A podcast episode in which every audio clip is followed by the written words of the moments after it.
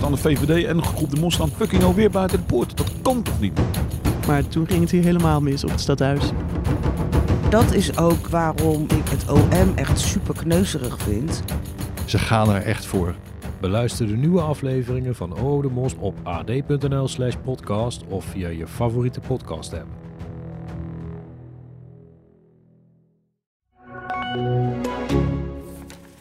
Hij urineert in zijn cel, weigert het bureau te verlaten en neemt een soort van wraak door een bestelauto te stelen en door de toegangspoort van een politiebureau te rijden en vervolgens het politiebureau in te rijden.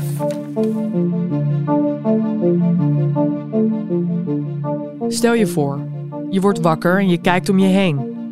Je herkent de ruimte niet. Het is wit, er staat veel apparatuur en er staan meerdere politieagenten om je heen. Je blijkt in het ziekenhuis te liggen. En als je probeert te bewegen, voel je dat je handen vastgebonden zitten aan het bed waar je in ligt. Je hebt geen idee hoe je hier beland bent of wat er gebeurd is. Mijn naam is Emma Thies en je luistert naar de Zaak X. Een podcast van het AD in samenwerking met het podcastkantoor, waarin we wekelijks een spraakmakende rechtszaak bespreken. Met deze week het busje dat het politiebureau inreed.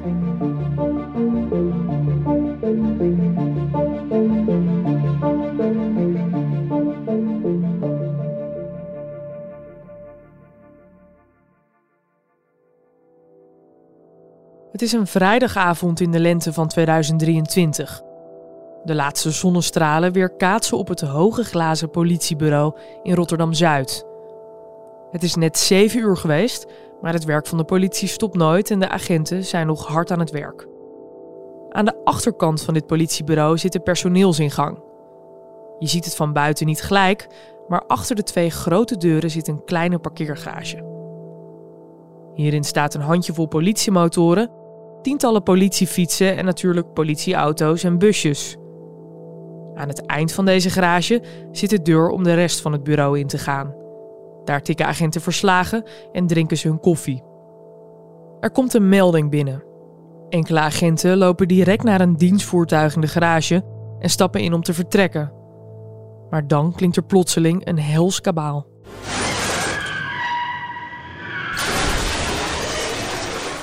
En zij zien hoe een busje door de garagedeuren heen gaan. Die garagedeuren klappen echt weg, vliegen vooruit. En vervolgens horen ze ook dat dat busje nog extra gas geeft. Ze horen echt die toeren gaan van dat busje. Je hoort verslaggever Adrianne de Koning van het AD Rotterdams Dagblad. En ja, ze hebben natuurlijk geen idee wat er gebeurt. En vervolgens ramt die bestelbus ook nog een keertje de ingang van het politiebureau.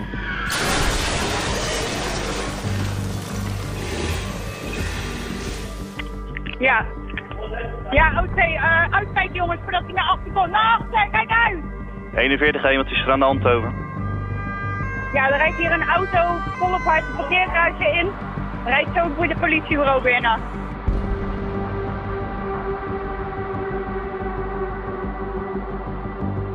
Je hoort geluidsfragmenten van het tv-programma Bureau Rotterdam, waarin agenten worden gevolgd tijdens hun werk.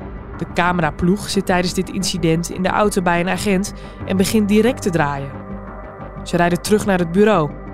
Daar zien ze dat de garagedeuren van het bureau volledig open zijn geramd.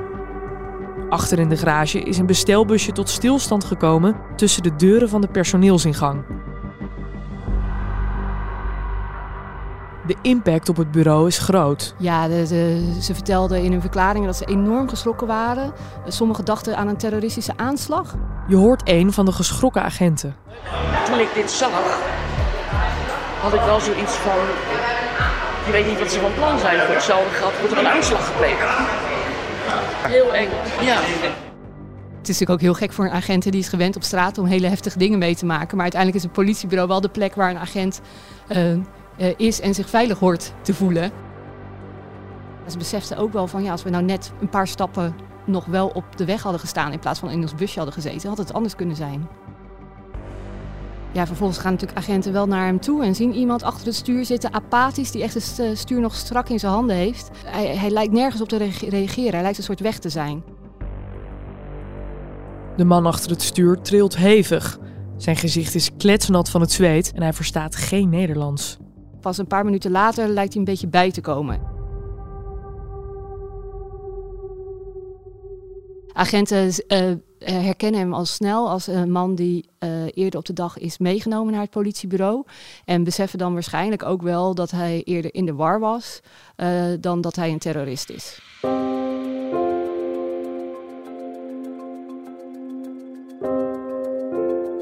En zo eindigt de chaos die avond op het politiebureau Zuidplein.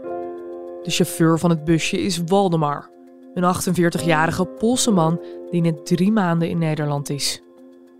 Maar wat bezielde hem om dit te doen? We gaan twee uur terug in de tijd, toen Waldemar, eerder die dag, in aanraking kwam met de politie. Je hoort de rechter. Want u was die dag rond een uur of vijf smiddags Ja, uh, de 17 politie uh, ja, aangehouden. In de buurt van. Zuidplein. U, u verzorgde voor overlast. Hij zou in de weer zijn geweest met een brandslang. En dat was reden om hem even mee te nemen en in een politiecel eh, te zetten. Daar heeft hij op de vloer geplast. Maar uiteindelijk besloten ze, ja, dat is niet voldoende om hem eh, vast te houden. Want het was eh, ja, geen misdrijf wat hij heeft gepleegd. En eh, dan zie je ook op camerabeelden heel duidelijk hoe agenten hem echt naar buiten moeten duwen. U wilde dat niet. U wilde niet eh, weer vrijgelaten worden. E, zostać. De meeste mensen willen dat wel. Maar u, u wilde liever blijven. Waar iedere verdachte die ooit is vastgezet in een politiecel blij is als die deur weer open gaat en als hij eh, naar huis mag, was dat bij deze Waldemar helemaal niet het geval. Hij eh, wordt echt eh, eh, aan, de, aan de armen meegenomen en uiteindelijk geeft een agent hem een duw en duwt hem zo via die garagedeuren, waar hij later dus eh, doorheen eh, naar binnen rijdt, eh, zo de straat op. Nou, en toen, toen stond u weer buiten, was u weer een vrij man. Więc En camerabeelden leggen ook vast wat er daarna gebeurt. Nou, dan gaat u daar zo dat straatje in dat daar loopt.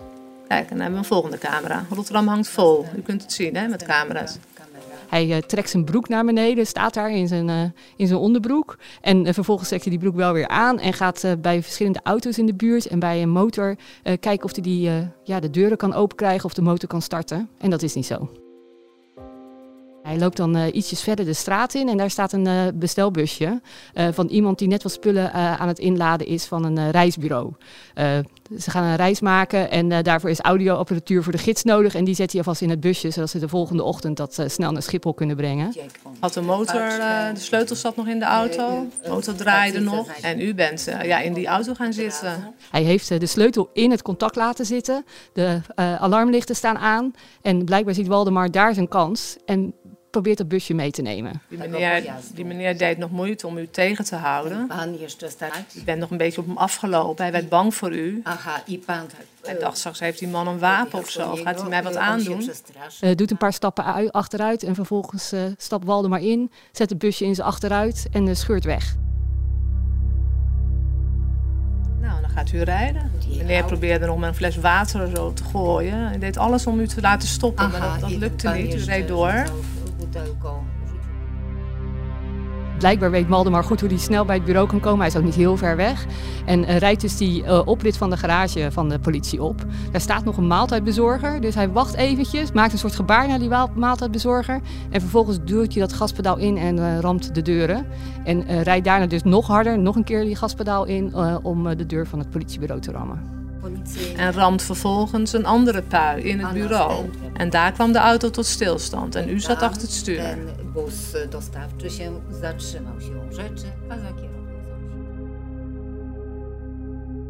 In ieder geval kunnen ze meteen aanhouden, want ze zijn al op het bureau.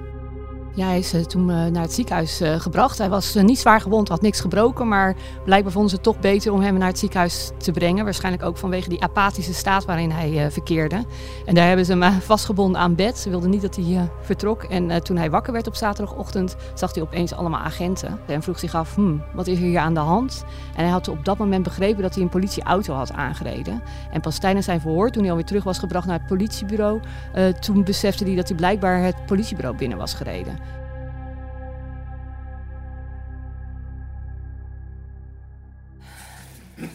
Nou, meneer, hoe is het met u?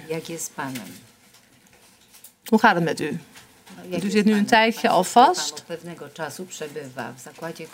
się dobrze. Ja, ik voel me goed. U voelt u goed? Ja.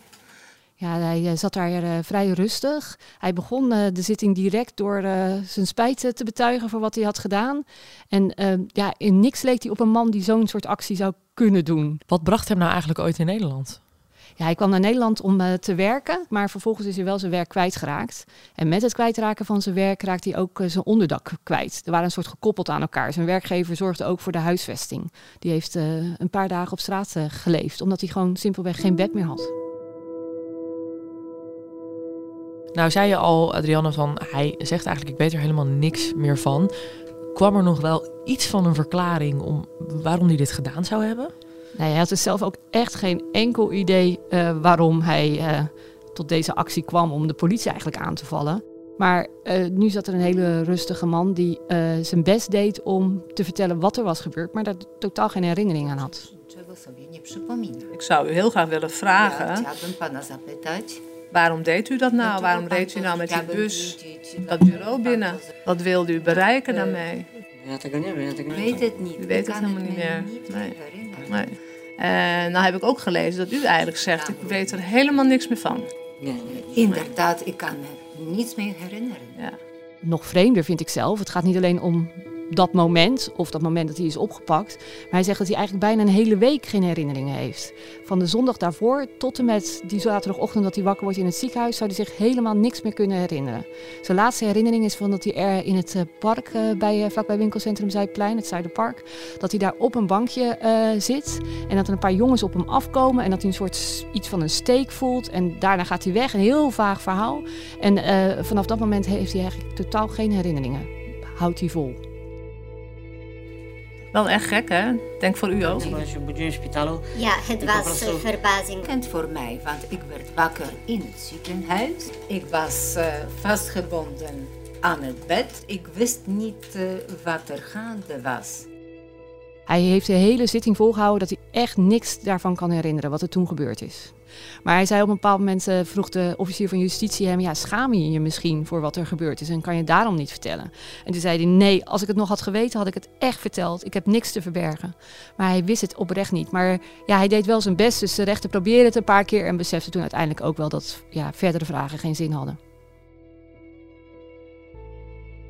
Weten we wat er klopt van het verhaal? Is hij onderzocht bijvoorbeeld? Ja, er is een eh, psycholoog heeft hem onderzocht en die eh, komt tot de conclusie dat, het, eh, dat hij misschien last heeft gehad van een dissociatieve stoornis.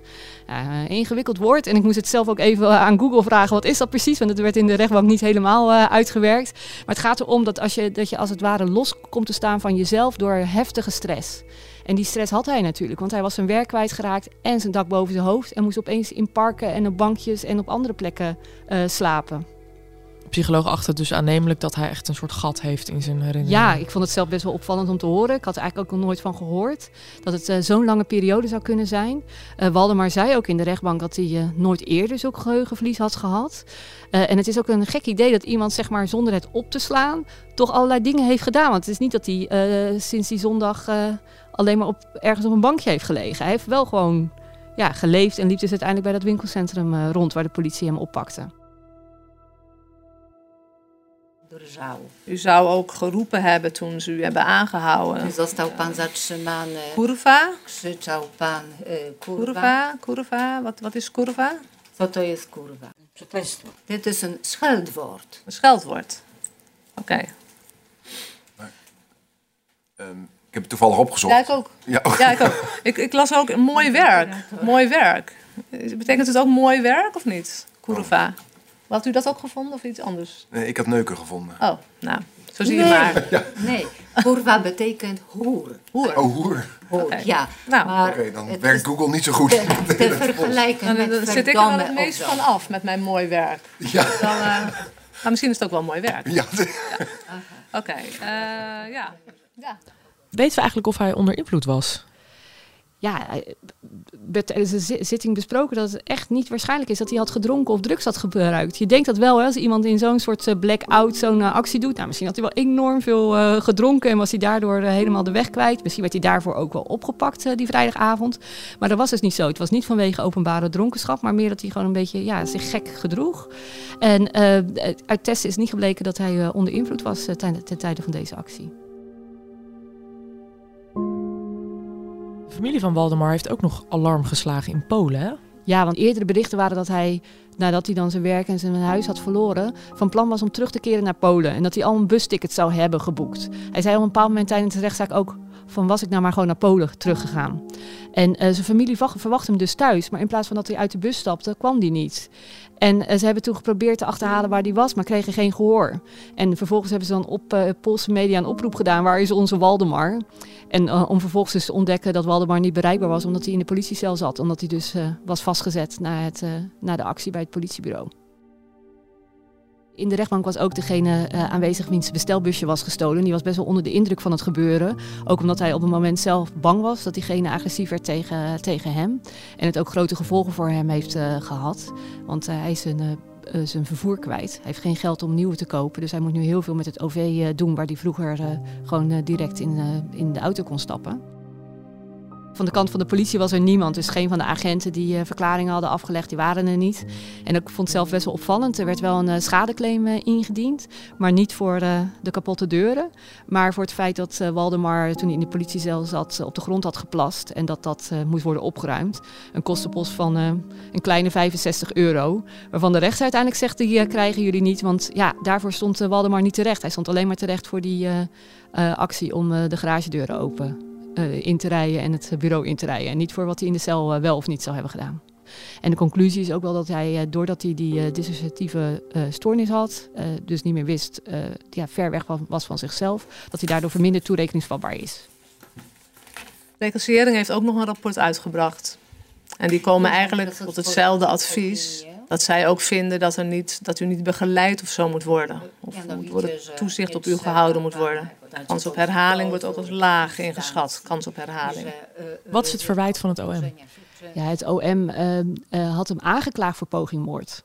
Uh, maar uiteindelijk is de conclusie dat hij niet echt met voorbedachte raden die bureau in is gereden. En dat er geen echt, hè, dat is dan officieel bij uh, moord, moet er uh, sprake zijn van voorbedachte raden, waarbij iemand na kalm overleg en beraad besluit om tot een daad te komen. Hè. Bijvoorbeeld dat er een liquidatie is gepland en iemand gewoon weet van nou, ik heb nu neem een vuurwapen mee en ik ga die persoon op, afwachten, opwachten en dan schiet ik hem door zijn hoofd. dat is hier absoluut niet het geval. Dus de officier van justitie zegt uiteindelijk nee, poging moord vind ik niet bewezen, maar poging doodslag wel. Want... We weten het gewoon niet. Net als meneer veel niet weet. En als we iets niet weten, moet het in voordeel van de verdachte worden uitgelegd. Ja, uiteindelijk is de eis 30 maanden, waarvan 10 maanden voorwaardelijk. En dat valt dan eigenlijk wat lager uit dan je misschien zou verwachten bij poging doodslag. Uh, het telt ook nog mee dat het wel gericht is op de politie. Dat uh, maakt de straf hoger. En tegelijkertijd wordt gezegd, ja, hij was wel echt verminderd toerekeningsvatbaar. Uh, kijkend naar wat de psycholoog over hem zegt, dat hij door de hevige stress al dagenlang zichzelf kwijt was. En niet wist wat hij aan het doen was.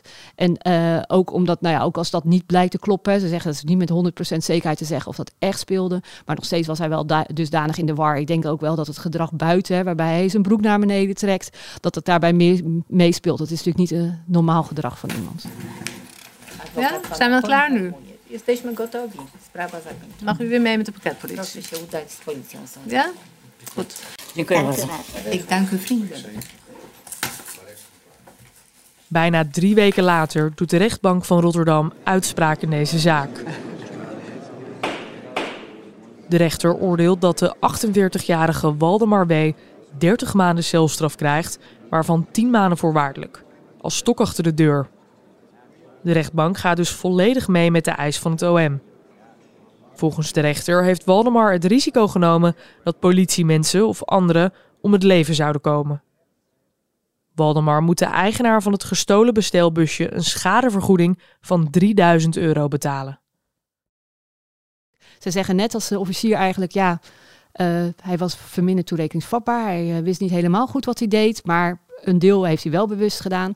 En uh, tellen ook wel mee dat hij het gemunt had op een politiebureau waar agenten rondliepen. Maar dat betekent dat hij dus echt nog wel voorlopig even in de cel zit en niet terug kan naar zijn familie in Polen die hem overduidelijk zou missen.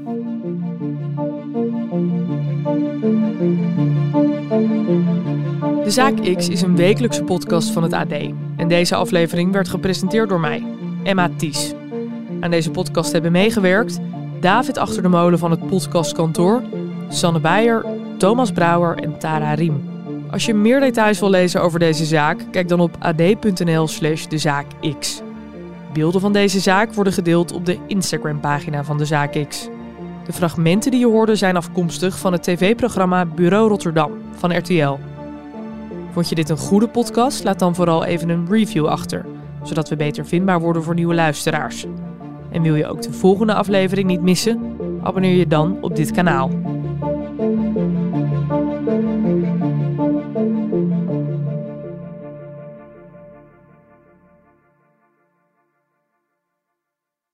De politie is woensdagmorgen opnieuw binnengevallen bij camping, Fort Oranje. tussen Breda en Rijsbergen.